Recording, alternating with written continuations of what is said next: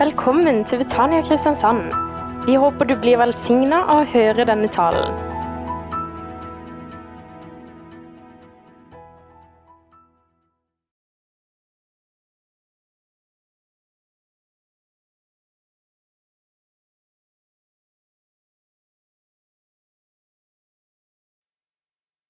Jeg skjønner at eh, idealet for en preken her i Betania det er kort og fyldig.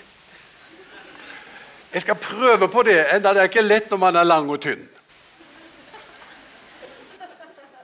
Eh, Så jeg skal prøve å følge med tida. Jeg prøver å se om det er en eh, klokke her. Det er det ikke, men jeg ser bak der er det en kalender, så jeg kan jo få litt hjelp av den. Og så skal vi eh, lese Guds ord sammen fra Romerbrevet kapittel 5. Og vi skal lese de fra vers 1 til og med Ja, noen vers. Da står det sånn i Jesu navn. Da vi altså er blitt rettferdige ved tro, har vi fred med Gud ved vår Herre Jesus Kristus. Gjennom ham har vi også ved troen fått adgang til den nåde vi står i, og vi er stolte over håpet om Guds herlighet. Ja, ikke bare det, vi er også stolte over lidelsene, for vi vet at lidelsen gir utholdenhet. Utholdenheten et prøvet sinn, og det prøvede sinn håp. Og håpet skuffer ikke, for Guds kjærlighet er utøst i våre hjerter ved Den hellige ånd, som Han har gitt oss. Amen. Herre, takk for en åpen bibel. Takk for en åpen himmel. Takk for åpne hjerter i kveld. Takk at du vil tale til oss. Amen. Da må jeg se litt på klokka, sånn at jeg vet hvor jeg er vet du, i forhold til dette her. Overskriften over eh, det som jeg skal dele med dere, det er eh, kort og godt 'livet etterpå'. Og Da lurer du på livet etterpå hva? Og det er livet etter vi blir rettferdige ved tro. For sånn står det her. Da vi altså er blitt rettferdige ved tro, så har vi. Og så beskrives det en del eh, velsignelser og goder som den har, som er blitt rettferdig ved tro. La oss da derfor først slå fast hva vil det si å bli rettferdig ved tro? Ja, Det uttrykket 'rettferdig ved tro' eller 'rettferdiggjørelse', som vi også bruker, det er et begrep fra rettssalen, fra rettsapparatet. Og Det handler om at det avsies en kjennelse som i utgangspunktet er veldig overraskende. Det er noe uvant, noe uventet og noe svært gledelig ved den kjennelsen som avsies i denne rettssalen, som er Guds rettssal. Og Jeg har en definisjon på rettferdiggjørelse, eller det å bli erklært rettferdig, som lyder som så. Rettferdiggjørelse det er en handling av Gud der han en gang for alle avsier full frifinnelsesdom over synderen som tror på Jesus. Og Deretter behandler han og henne som om de har oppfylt Guds lov til punkt og prikke. Du, Den er dyp, skal jeg si deg. Jeg så at det var noen av dere som falt av, så du skal få den en gang til. Hør. Rettferdiggjørelse. Det er en handling av Gud der han en gang for alle avsier full frifinnelsesdom over synderen som tror på Jesus. Og deretter behandler han og henne som om de hadde oppfylt Guds lov til punkt og prikke. Det er å bli erklært rettferdig. Og hva er godene som eh, følger oss når vi da ved troen på Jesus er eh, erklært rettferdige? Det første som står her, det er at eh, da vi er blitt rettferdige ved tro, har vi fred med Gud. det er et uttrykk jeg er veldig glad i. Fred med Gud. Det handler ikke om en subjektiv følelse. Vi vet at følelsene de kan veksle, som været gjør på Sørlandet for tiden. Eh, å ha fred med Gud, det handler om en tilstand. Og hva den består i, det får vi forklart hvis vi går til 1. Korinterbrev kapittel 14. For der står det i vers 33 om gudstjenesten. Noe som eh, kan kaste lys også over eh, dette uttrykket. Der står det Gud vil ikke uorden, men fred. Når vi leser det, så kanskje vi stusser litt, for der vi hadde ventet at det sto noe annet. Hva hadde vi ventet at det sto? Gud vil ikke uorden, men orden. Ikke sant? Det motsatte av uorden, det er jo orden. Og så står det Gud vil ikke uorden, men fred. Så det forteller oss at eh, fred er det motsatte av uorden. Eller fred er det samme som orden. At alt er i orden. Og når vi da leser eh, Romerbrevet kapittel 5 i det lyset, så betyr det sånn at eh, når vi er rettferdige ved tro, så har vi fred med Gud. Det betyr alt er i orden mellom meg og Gud. Det er ikke noe som må forandres på. Det er ikke noe som må pyntes på. Det er ikke noe ugjort som må gjøres, eller noe som er gjort feil, som må repareres og endres på. Alt er i orden mellom meg og Gud. Jeg er under en åpen og solfylt himmel. Hvem kan med hånda på hjertet si det? Nå ser jeg på dere som er kledd i disse fine kåpene. Kan du si med hånda på hjertet alt er i orden mellom meg og Gud. Ja, de nikker her. Jeg får se her borte, da. Hva tenker dere?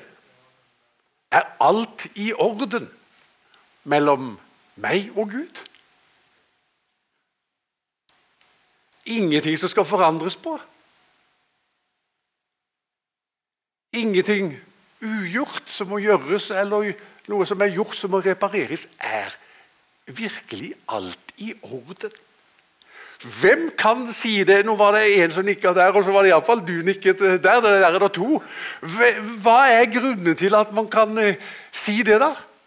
Hvem er så åndelig at man kan si det? Ja, men det står her. Da vi altså blitt rettferdige ved tro. Det er jo utgangspunktet. Og at vi er kommet i et rett forhold til Gud, og at Gud avser Hva heter du for noe, hvis jeg får, lov, får å spørre deg om det? Hva heter du? Inger Elise. Et nydelig navn. Mora mi het også Inger. Ja, ja, ja. Inger Elise, nå skal du høre. Når, når Gud rettferdiggjorde deg, da avsa han følgende kjennelse over livet ditt. Hun er frifunnet. Renvasket for alle anklager. Erklært ikke skyldig. Ikke sant? enda i utgangspunktet er verken eh, du eller meg eller mora mi det. Men ved troen på Jesus så avsa han følgende dom over livet vårt frifunnet. Oi, oi, oi. Og fordi du er frifunnet ved troen på Jesus, så har du også fred med Gud, så du visste det jo. For du vet du er rettferdiggjort. Og Da er, har du også fred med Gud, for det står vi har fred med Gud ved vår Herre Jesus Kristus. Det er ikke hennes fortjeneste, og det er ikke min fortjeneste som gjør at jeg kan si da at jeg har fred med Gud. Det er pga. det han gjorde, og ingenting annet. I Salem der jeg er pastor, der har vi et regnestykke som sier så, så at når det gjelder vårt, vår relasjon til Gud og vår godtagelse hos ham, da er regnestykket sånn det er Jesus pluss ingenting. Det er regnestykket. Det gjør at jeg har fred med Gud. Troen på Jesus det har eh, gjort at eh, jeg er i denne lykkelige situasjonen, at jeg har eh, fred med ham. Så kan jeg senke skuldrene, og så kan jeg vite det. Jeg er under en åpen, solfylt himmel eh, og eh, er hans barn. Han er min far, og han eh, er glad i meg. Så det er det ene. Når jeg er rettferdig, så har jeg fred med Gud. For det andre så står det gjennom ham har vi også tro, ved troen fått adgang til den nåde vi står i. Adgang til nåde. Adgang er et fint ord. Eh, da Jesus døde langfredag, så leser vi i Bibelen at det skjedde noe i tempelet. Vi vet jo, de aller fleste som er her i kveld, at i tempelet så var det to rom. Og Det som skilte det ene rommet, som heter det hellige, fra det aller helligste, det var et forheng. Og eh, Bak dette forhenget, der inne i det aller helligste, der var Guds nærvær på en helt spesiell måte. Og inn bak det forhenget var det i grunnen ingen som kunne gå utenom øverstepresten. Og bare på den store forsoningsdagen én gang i året kunne han gå inn der. Så vi kan godt si det sånn at, eh, at dette forhenget det var et adgang forbudt-skilt. Stort adgang forbudt-skilt som fortalte at det var ikke for hvem som helst å nærme seg Gud. Det som altså da skjer når Jesus dør på korset, og han roper ut 'Det er fullbrakt', da leser vi Det nye testamentet. Da revnet forhenget i to. Og det står at det revnet fra øverst til nederst. Så det er som om Når Jesus dør på korset, så er det som Gud bøyer seg ned, og så tar han tak i dette forhenget, som er som et stort adgang forbudt-skilt, og så river han det i to. Og så er det Gud som på den måten forkynner nå er det åpnet en vei for alle mennesker inn til samfunn og fellesskap med meg. Jesus åpnet døren inn til fellesskap med Gud, og han lot den altså stå åpen etter seg. Så sier han du kan komme inn, du også. Det er det som står her. At eh, eh, gjennom ham har vi også ved troen adgang. Du kan komme. Adgang til den nåde vi står i. Nåde, det betyr eh, ufortjent kjærlighet. Og Hele poenget med nåde det er at det er ufortjent. Ellers er det ikke nåde. Det er det som er poenget med nåde. At ikke du må gjøre deg fortjent til det. Og Her står det altså at du kan nærme deg Gud, og så kan du få adgang til fellesskap med ham og egentlig de velsignelser og gaver og goder som han har å gi. Ufortjent. Ser du det at hvis det er ufortjent, da kan vi alle komme.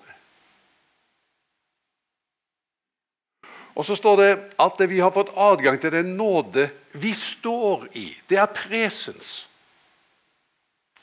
Sånn at det, det er ikke sånn at kristendommen begynner på ett grunnlag, for så, etter at du har vært en kristen en stund, eh, å bevege seg over på et annet grunnlag. Det var jo en som ble spurt, en gutt eh, Ja, sa de til ham, 'Hvem er det som har eh, skapt deg, da, gutten min?' Ja, sa han, det er det Gud som har gjort, men resten har jeg vokst sjøl. Og så, Sånn kan man kanskje tenke at eh, ok, man begynner liksom eh, også livet med Gud på ett grunnlag. Og så etter hvert så beveger man seg over på et annet grunnlag, og så må man liksom bevise at, at man er verd å bli elsket, eller er verd å bli tilgodesett med, med velsignelser og gode gaver. Men her står det vi har fått adgang til den nåde vi står i. Det begynte med ufortjent kjærlighet, og det fortsetter med det samme. Med ufortjent kjærlighet. Noen av oss husker den dagen vi kom til tro på Jesus. Og eh, Han sier det jo godt, eh, Sigvard Riiser i denne sangen 'Slik som jeg var'. Kanskje dere kan den nå? Kan dere den? Nei? Nei? Men uh, da skal jeg lære dere en sang. nei, nei, jeg skal ikke lære dere en sang. Men det heter i første vers 'Slik som jeg var, kom jeg til Gud og fant heimat til far'. Hvordan var det? Slik som jeg var. Ok, Sånn begynte det. Jeg behøvde ikke forandre på meg. Jeg behøvde ikke å bli bedre. Som hun sa, Inger Lise Rypdal, vet du, hun hadde jo vært en kristen. Og så Hun kom jo fra Toten. Lena på Toten, der svigerdattera mi også kommer fra. for øvrig. Fint plass, det. Lena på Toten. Og så Inger Lise Rypdal reiste fra Toten og inn til Oslo. og så, og så sa hun det var jo nok å komme til Oslo og snakke Toten-dialekt. Om ikke skulle si at jeg trodde på Jesus òg. Så hun liksom tona ned dette her, at hun trodde på Jesus. Og så var det mange år som gikk av livet hennes hvor, eh, hvor eh, troen ikke var liksom en faktor i livet hennes. Og så holdt hun på å lage et TV-program om eh, alternative religiøse bevegelser. Og så var hun på eh, dette TV-studioet som pinsevennene har. Og så var det en frimodig søster som kom bort til henne. Neimen, neimen er det Inger-Lise Rypdal? Men så setter hun seg ned med henne og sier men hvordan er det, Inger-Lise? Er det egentlig ikke Jesus du lengter etter? Og Inger-Lise hun forteller det traff meg rett i magen. Det var akkurat det jeg gjorde. Helt siden jeg var ei lita jente på Lena på Toten. Så jeg lengtet tilbake til den troen som jeg hadde da. Jeg lengtet tilbake til Jesus. Jeg gråt, sa hun der i TV-studio. Og det ble veien tilbake for meg. Og så sier hun noe veldig fint. Du skjønner, Jeg fikk komme sånn som jeg var.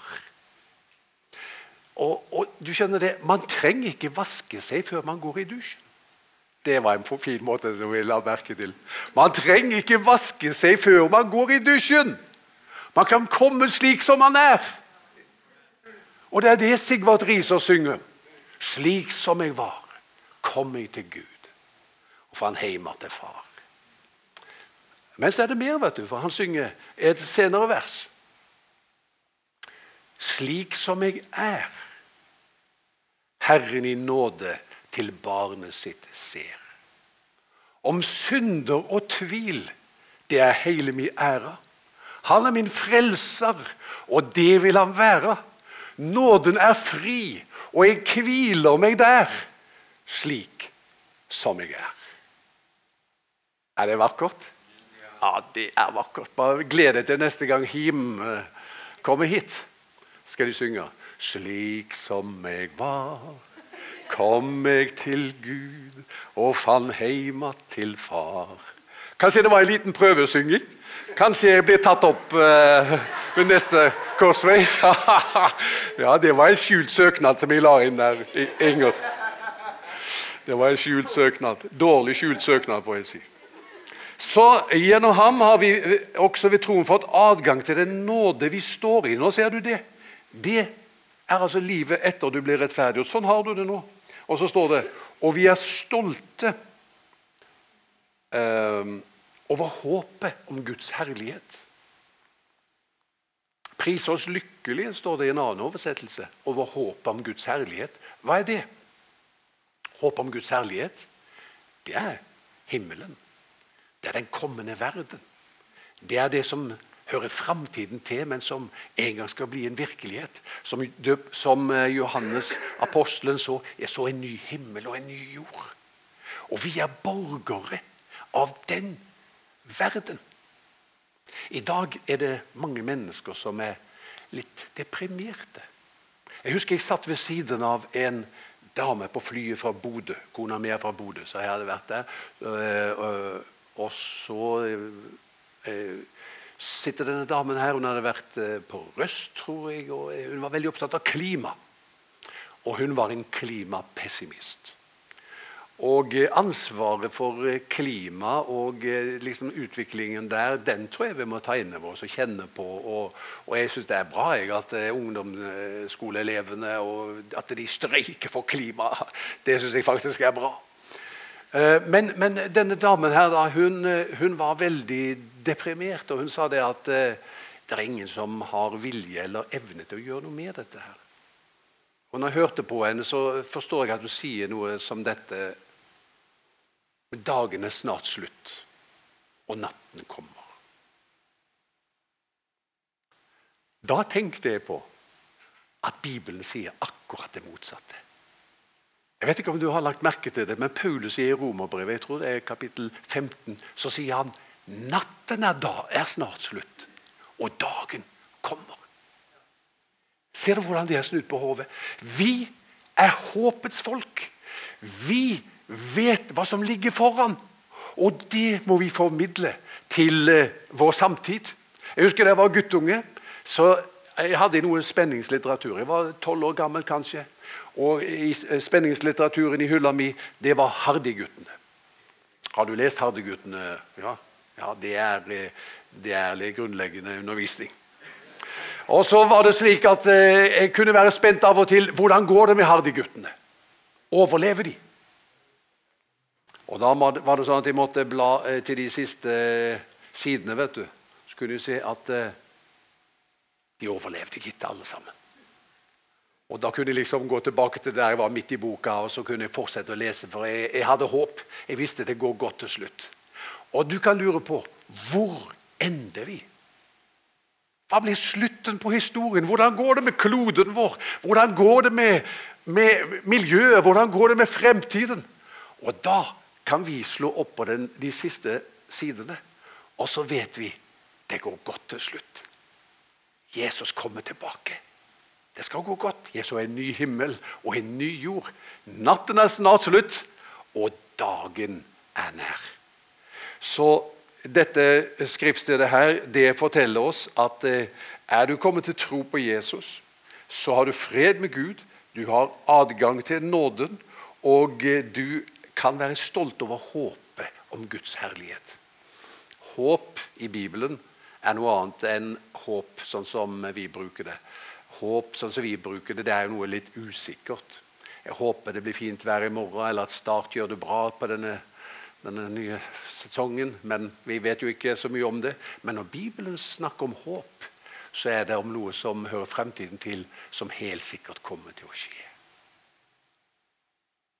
Og det håpet, det gir meg styrke til å gå ut i hverdagen og gjøre noe med utfordringene som samfunnet står overfor også.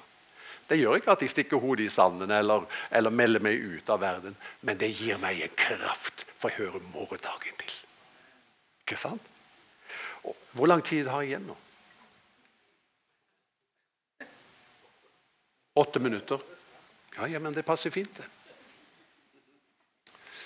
Eh, da kan vi lese det siste, og det er at det står ja. Ikke bare står det her at det så, eh, så er vi stolte over håpet om Guds herlighet, men vi er også stolte over lidelsene. For vi vet at lidelsene gir utholdenhet. Utholdenheten er prøvet sin, og det prøvede sin håp. Og Håpet skuffer ikke, for Guds kjærlighet er utøst i våre hjerter ved Den hellige ånd, som Han har gitt oss.